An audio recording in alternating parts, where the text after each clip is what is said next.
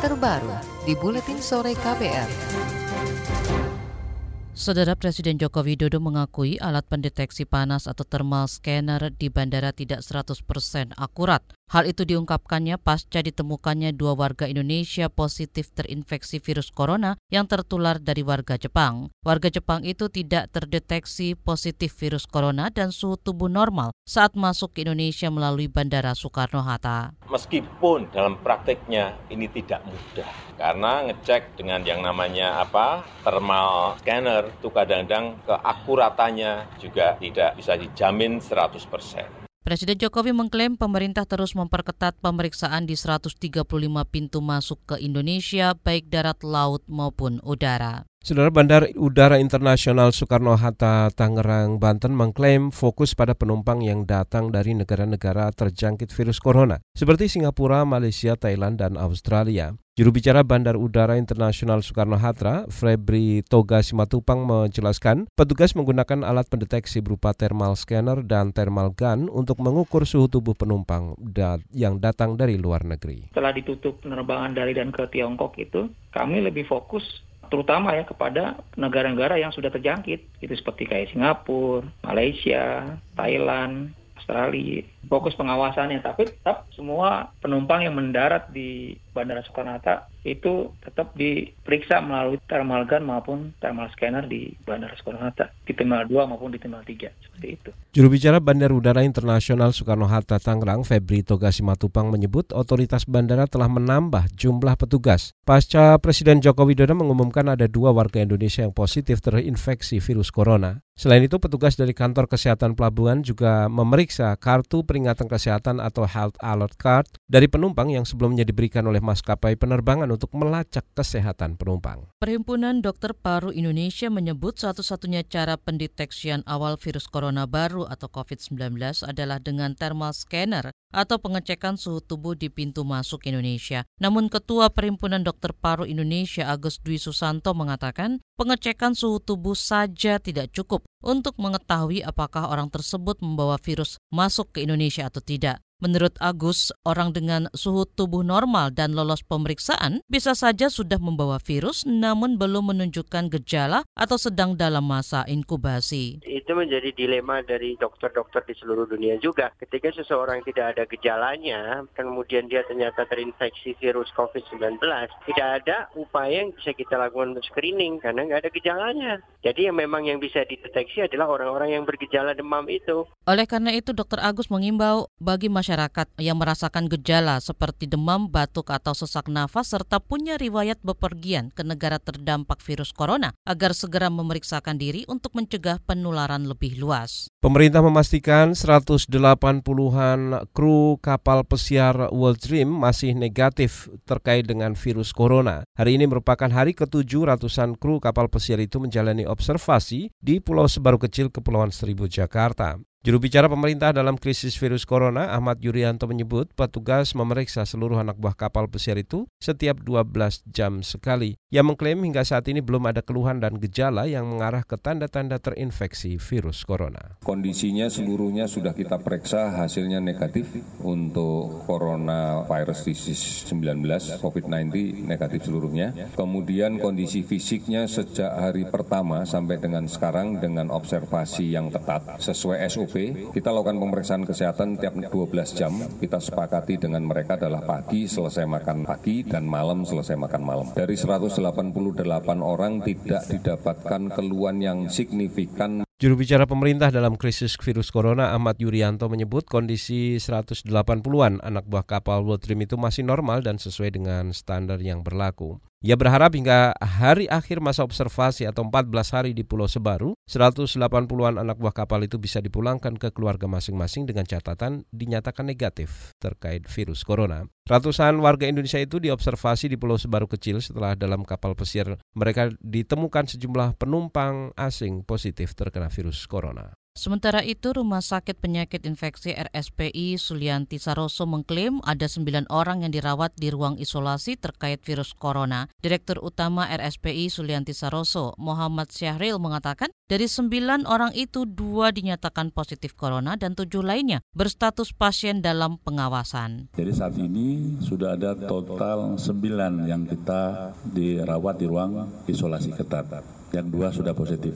Dari sekian pasien ini ada lima ya yang kontak juga kepada yang pasien sebelumnya, yang dua lagi tracking karena dalam riwayat juga ada hubungannya dengan dari daerah yang diduga endemis tadi. Nah hari ini kita akan menunggu hasilnya sampai besok Direktur Utama RSPI Sulianti Saroso Muhammad Syahril mengatakan dari tujuh pasien dalam pengawasan itu tiga di antaranya diketahui pernah berkontak langsung dengan pasien corona yang saat ini juga tengah diobservasi di rumah sakit itu. Sisanya tercatat pernah melakukan perjalanan ke negara-negara yang juga terdampak corona. Saat ini spesimen ketujuh pasien sudah diperiksa di laboratorium dan hasilnya diumumkan paling lambat besok pagi. Kita ke informasi mancanegara, Saudara Kepala Badan Darurat Nasional Iran Pir Hossein Khalifan dikabarkan ter tertular virus corona. Hal ini menambah jumlah pejabat di Iran yang terjangkit virus penyebab penyakit COVID-19 itu. Sebelumnya ada 23 anggota DPR Iran juga dikabarkan positif tertular virus. Laporan kasus infeksi virus corona di Iran sampai saat ini mencapai 2.300-an kasus. Dari jumlah itu, 77 di antaranya meninggal dan 290-an orang dinyatakan sembuh. Senin kemarin, anggota Dewan Kebijaksanaan Iran, Muhammad Mir Mohammadi, meninggal usai terinfeksi virus corona. You're listening to KBR Pride, podcast for curious mind. Enjoy!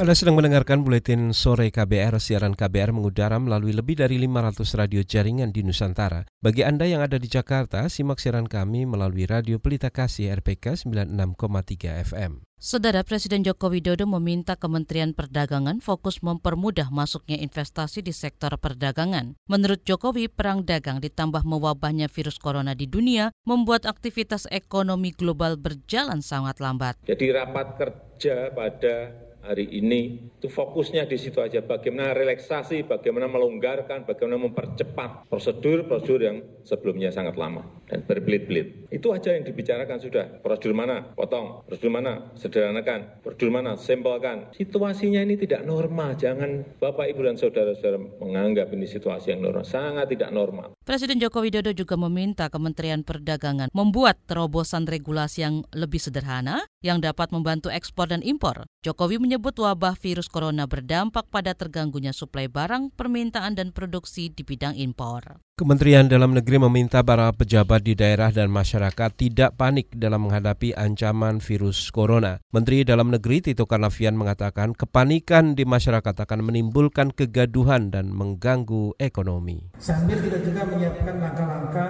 selain sosialisasi yang tidak membuat masyarakat panik, membuat masyarakat tenang menghadapi ini. Bukan sesuatu ancaman yang luar biasa.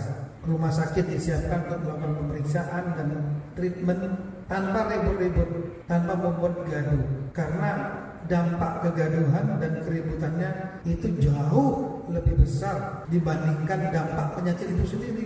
Ekonomi akan jadi terganggu. Menteri Dalam Negeri Tito Karnavian menegaskan pemerintah bekerja maksimal mengatasi penyebaran virus tersebut sehingga masyarakat tidak perlu cemas dan takut. Tito juga meminta masyarakat tidak menimbun bahan makanan dan masker serta tidak terpengaruh berita bohong yang beredar seputar virus corona. LSM Masyarakat Anti Fitnah Indonesia Mafindo mencatat sekitar seratusan hoax atau berita bohong beredar di sosial media di Indonesia terkait virus corona dalam dua bulan terakhir. Ketua Presidium Mafindo Septiaji Eko Nugroho menyebut hoax terkait virus corona di antaranya laporan keliru kejadian virus corona di Indonesia, laporan keliru kejadian virus corona di luar negeri, penanganan penderita di Cina dan Indonesia, termasuk asal-usul model penyebaran virus serta terkait pencegahan dan penyembuhan virus corona. Corona. Direktur Jenderal WHO ya, itu sudah menyatakan bahwa yang kita hadapi saat ini itu bukan hanya epidemi ya virus corona, tetapi juga yang disebut dengan infodemic, yaitu adalah banjir informasi keliru yang juga tidak kalah bahayanya dengan virusnya itu sendiri. Jadi hoax tadi itu adalah yang bagian yang disebut dari infodemic itu. Nah, sehingga kita membutuhkan kolaborasi yang erat di antara pertama dengan pemangku otoritas kesehatan Indonesia. Yum Mavindo Septiaji Eko Nugroho menambahkan, media sosial Facebook dan WhatsApp menjadi sarana penyebaran hoax paling tinggi. Saat ini Mavindo tengah menandai sejumlah informasi hoax yang untuk segera dihapus dan memberi klarifikasi informasi yang benar. Setiaji menilai dampak terparah dari informasi bohong terkait virus corona adalah menghalangi seseorang untuk mendapatkan informasi yang benar. Saudara kita beralih ke informasi eh, lain, LSM Lingkungan Walhi mengkritik isi rancangan Undang-Undang Omnibus Law Cipta Kerja. Salah satu yang dikritik adalah Kementerian Lingkungan Hidup dan Kehutanan yang tidak bisa lagi menggugat perdata perusahaan yang areal perusahaannya terbakar. Direktur Eksekutif Walhi Nur Hidayati menyebut rancangan Undang-Undang Omnibus Law menghapus pasal di Undang-Undang lama yang mewajibkan perusahaan bertanggung jawab atas kebakaran yang terjadi di area konsesinya. Padahal selama ini pemerintah menuntut perusahaan pembakar lahan dengan gugatan perdata. Menurutnya dalam gugatan perdata perusahaan tidak harus terbukti bersalah secara pidana. Perusahaan harus bertanggung jawab atas kebakaran yang terjadi di daerah konsesinya. Karena memang pada prinsipnya setiap kegiatan usaha itu memang dia harus bertanggung jawab. Jadi dia tidak bisa lagi mengelak bahwa oh itu yang membakar bukan saya gitu. Karena di dalam Undang-Undang 32 itu unsur kesalahan itu di situ tidak perlu dibuktikan lagi oleh pemerintah. Jadi ketika dia diberikan konsesi dia harus tanggung jawab terlepas itu dibakar sendiri atau dibakar oleh orang lain lain atau terbakar tidak sengaja, tetap itu dia ada unsur kelalaian menjaga konsesinya. Jadi dia bisa dihukum. Direktur Eksekutif Wahana Lingkungan Hidup Walhi Nasional Nur Hidayati menambahkan selama ini gugatan perdata efektif dilakukan ketika proses hukum pidana tidak berhasil menghukum perusahaan-perusahaan perusak lingkungan. Saudara selanjutnya kita beralih ke bursa saham. Lantai bursa di Bursa Efek Indonesia. Indeks harga saham gabungan IHSG sore ini ditutup menguat sebanyak 131 poin atau 2,3 persen di angka 5.650. Bursa saham ditutup dengan lebih dari 5,7 triliun rupiah nilai diperdagangkan. Ini merupakan angka tertinggi indeks dalam sepekan terakhir. Pagi ini indeks dibuka di posisi 5.524. Penguatan pasar juga terjadi di mayoritas pasar saham Asia, kecuali Hang Seng Indeks Hong Kong yang melemah 0,2 persen. Sementara rupiah diperdagangkan melemah ke 14.115 per dolar Amerika. Selanjutnya kita menyimak informasi olahraga saudara leg kedua babak 16 besar Liga Champions bergulir pada pertengahan pekan ini. Empat pertandingan akan berlangsung pada 10 dan 11 Maret mendatang. Di antaranya Valencia akan menjamu Atlanta dan Tottenham bertandang ke markas RB Leipzig di Jerman. Sehari berselang, dua laga seru yakni Paris Saint-Germain akan menjamu Borussia Dortmund dan Liverpool akan bertemu Atletico Madrid. Empat pertandingan itu akan dimulai pada pukul 3 dini hari. You're listening to KBR Pride, podcast for curious mind. Enjoy!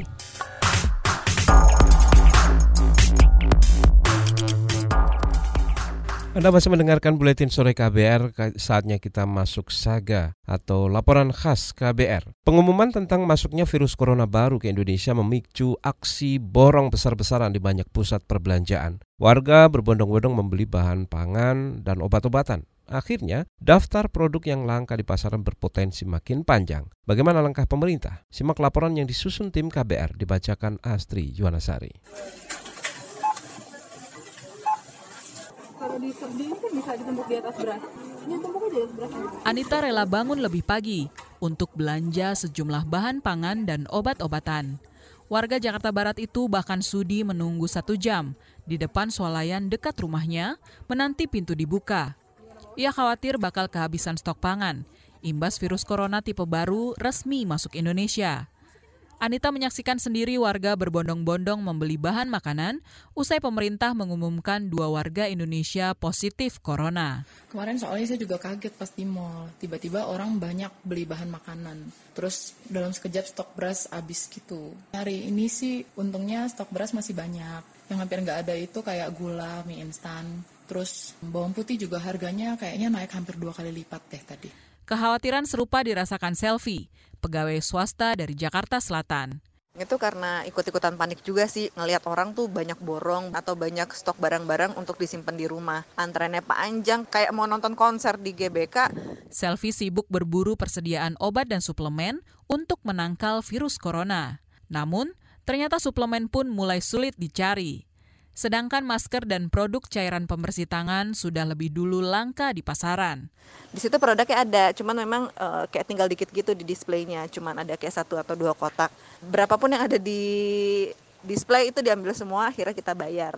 Karena merasa kurang, mutusin juga untuk belanja online barang-barang yang tadi udah disebutin tuh untuk jaga-jaga kesehatan. Tapi udah bayar tapi sampai sekarang sih belum dikonfirm udah dikirim apa belum. Kelangkaan beberapa komoditas, terutama masker, juga sudah berlangsung di hampir semua daerah. Masker nyaris menghilang di gerai fisik, tetapi masih tersedia secara daring atau online. Itu pun dengan bandrol harga selangit di kisaran ratusan ribu hingga jutaan rupiah per box.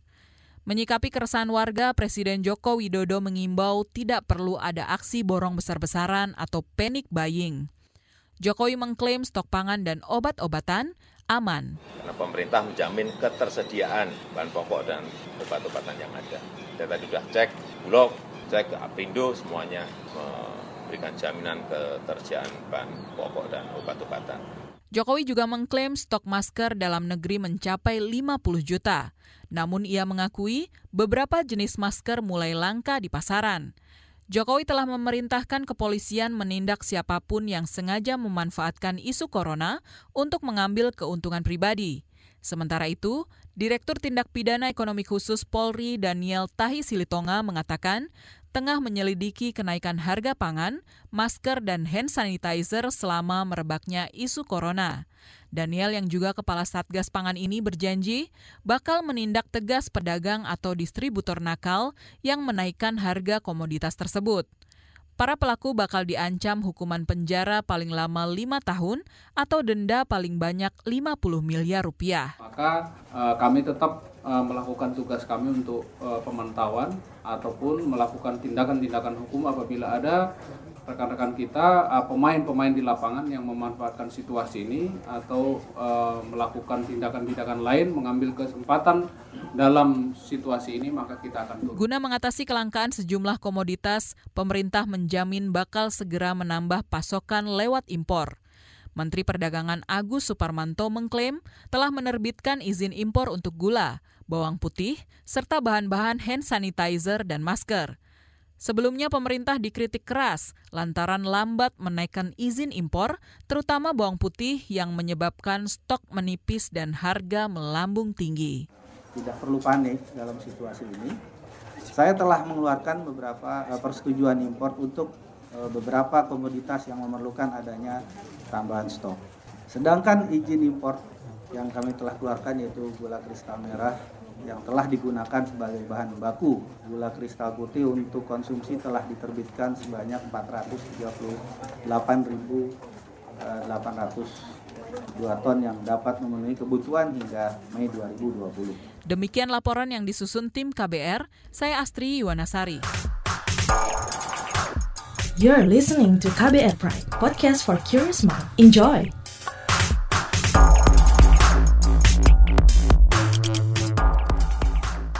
Kita berada di bagian akhir buletin sore KBR.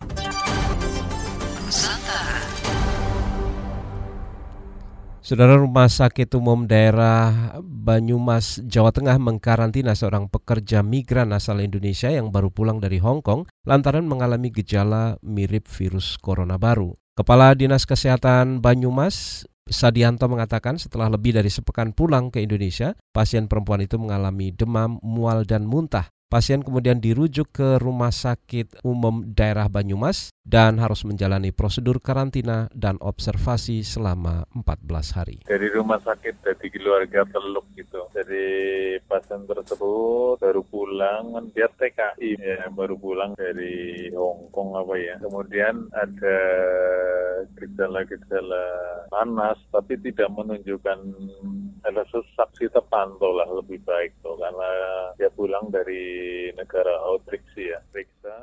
Kepala Dinas Kesehatan Banyumas Sadianto menambahkan, Bupati Banyumas telah menerbitkan edaran ke seluruh pihak untuk melaporkan jika menemukan kasus dengan gejala mirip virus corona atau penyebab penyakit COVID-19.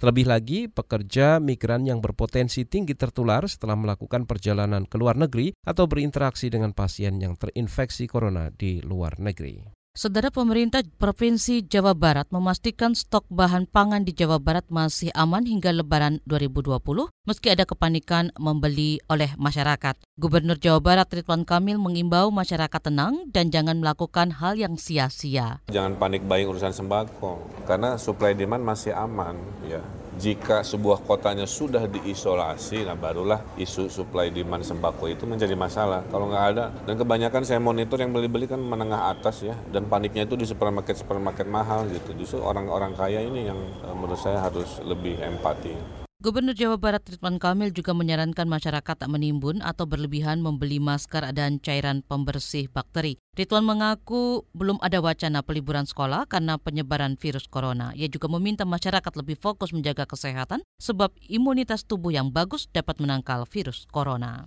Sementara di Kalimantan Barat, saudara warga kota Pontianak juga panik berbelanja setelah Presiden mengumumkan ada dua warga Indonesia positif terinfeksi virus yang tengah mewabah di dunia itu. Kepanikan berbelanja terlihat di sejumlah tempat berbelanjaan di kota Pontianak. Kepala Supervisor salah satu tempat perbelanjaan, Yuliana mengatakan aksi borong itu terjadi setelah ada pasien positif corona di Indonesia.